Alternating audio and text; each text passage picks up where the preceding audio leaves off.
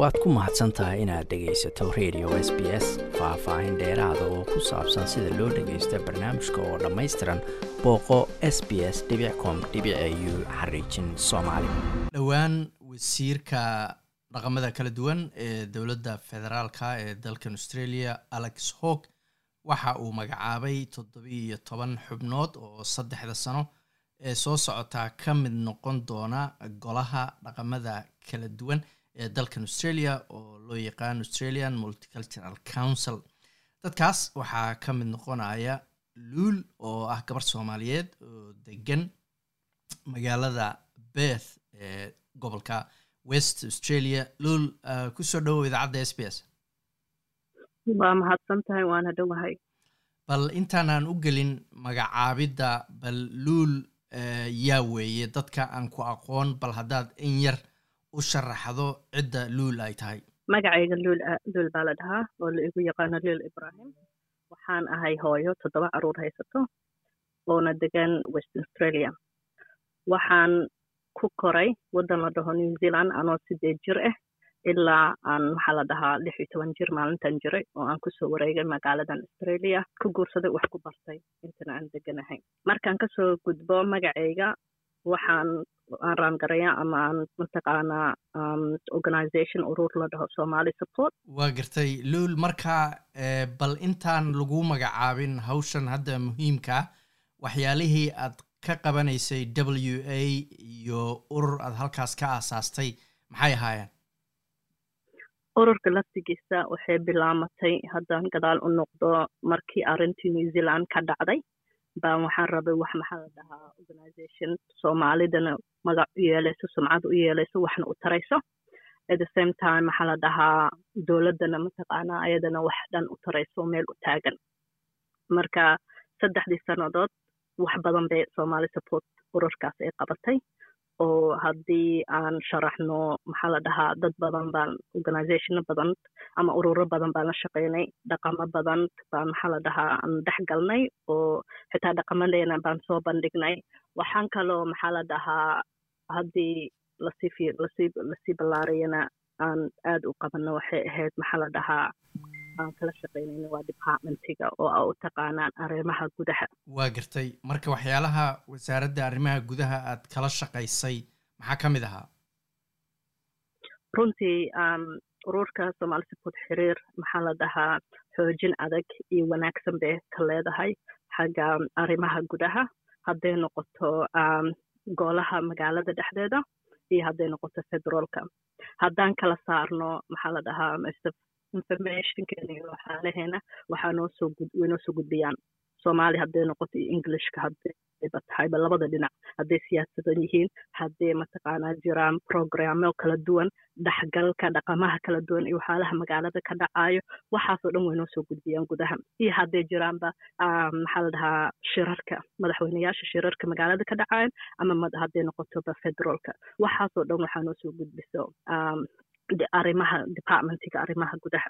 Haddaan u sii baxnona muddo labadii sano laba sano iyo bar aan departmentiga anaka most waxaan maxaa la dhahaa u gudbinayna xitaa ama ay naga caawinayeen xagga haddii laga dhaho codsiga dhalashada citizenka ama dadka ku adag oo maxaa la dhahaa loo diiday ama u baahan inay caawitaan so u gudbinayna.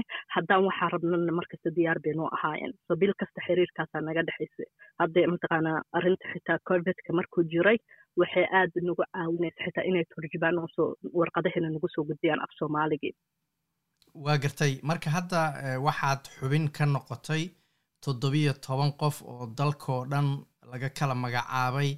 Markii laguu sheegay in lagugu daray golahaas dareenkaagu muxuu ahaa maxay kaaga dhigan tahay adiga? Aad iyo aadan waxaan uga farxanahay. Like aan uga faraxsanahay runtii haddaan ka hadlo. Dareenkaygana maba sheegi kariba maadaama hooyo aad tahay carruur yaryar aa haysatid oo adigoo dowlad weligaa la shaqayn wasin laba sano gudaheeda ee arkaan talantigaaga ay dhihi karaan waa qofkaaneet waa qof u qalanto waa wax dhan.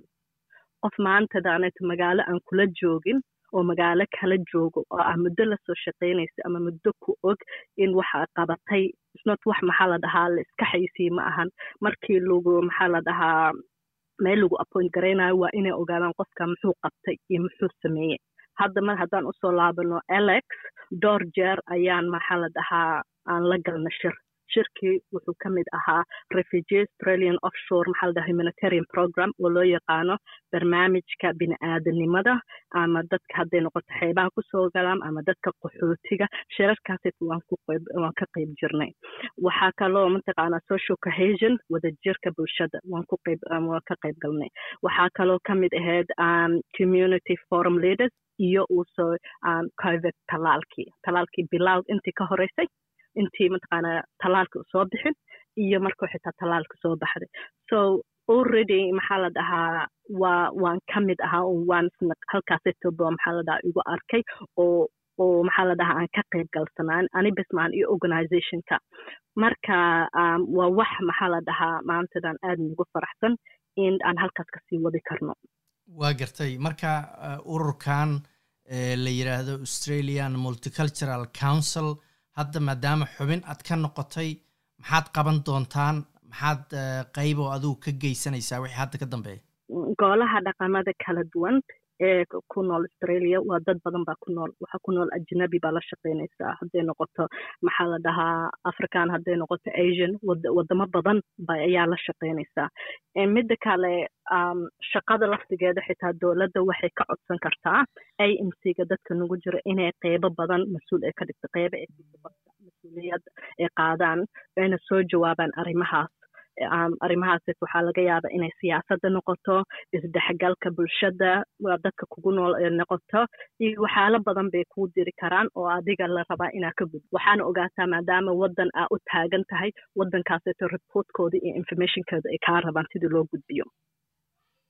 Waa garta ugu dambeynta marka luul arrintani maxay uga dhigan tahay dadka soomaalida gabdhaha soomaalida haweenka soomaalida in position ama jago heerkaana adiga lagu magacaabo. Marka ugu horeyso runtii waxaan aad iyo aad uga faraxsanahay bulshada soomaaliyeed.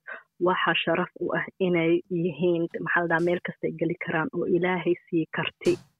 Oo maantadaaneeto bulshada ay ka muuqato. Waa dad mataqaana australia hadda markaan dhaho soomaalida aad iyo aad waa dadka lagu jecelyahay inay ka muuqdaan bulshada waana dad maxaa la dhahaa community waxaan nahnay firfircooni oo karti ilaahay siiye.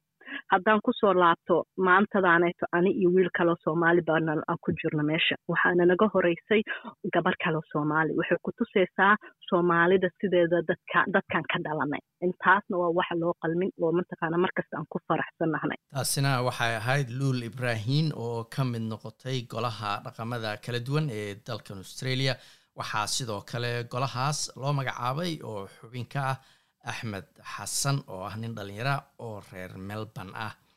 Sannadihii horena waxaa ku jiray layla abukar oo reer queensland ah. Waad ku mahadsantahay inaad dhegaysato raadiyaha s b s. Toos u dhegaysa barnaamijka habeenada arbacada iyo jimcada tobanka fiidnimo. Ama kaga soo cesho website-ka iyaga iyo s b s radio app booqo s b s com au xariijin soomaali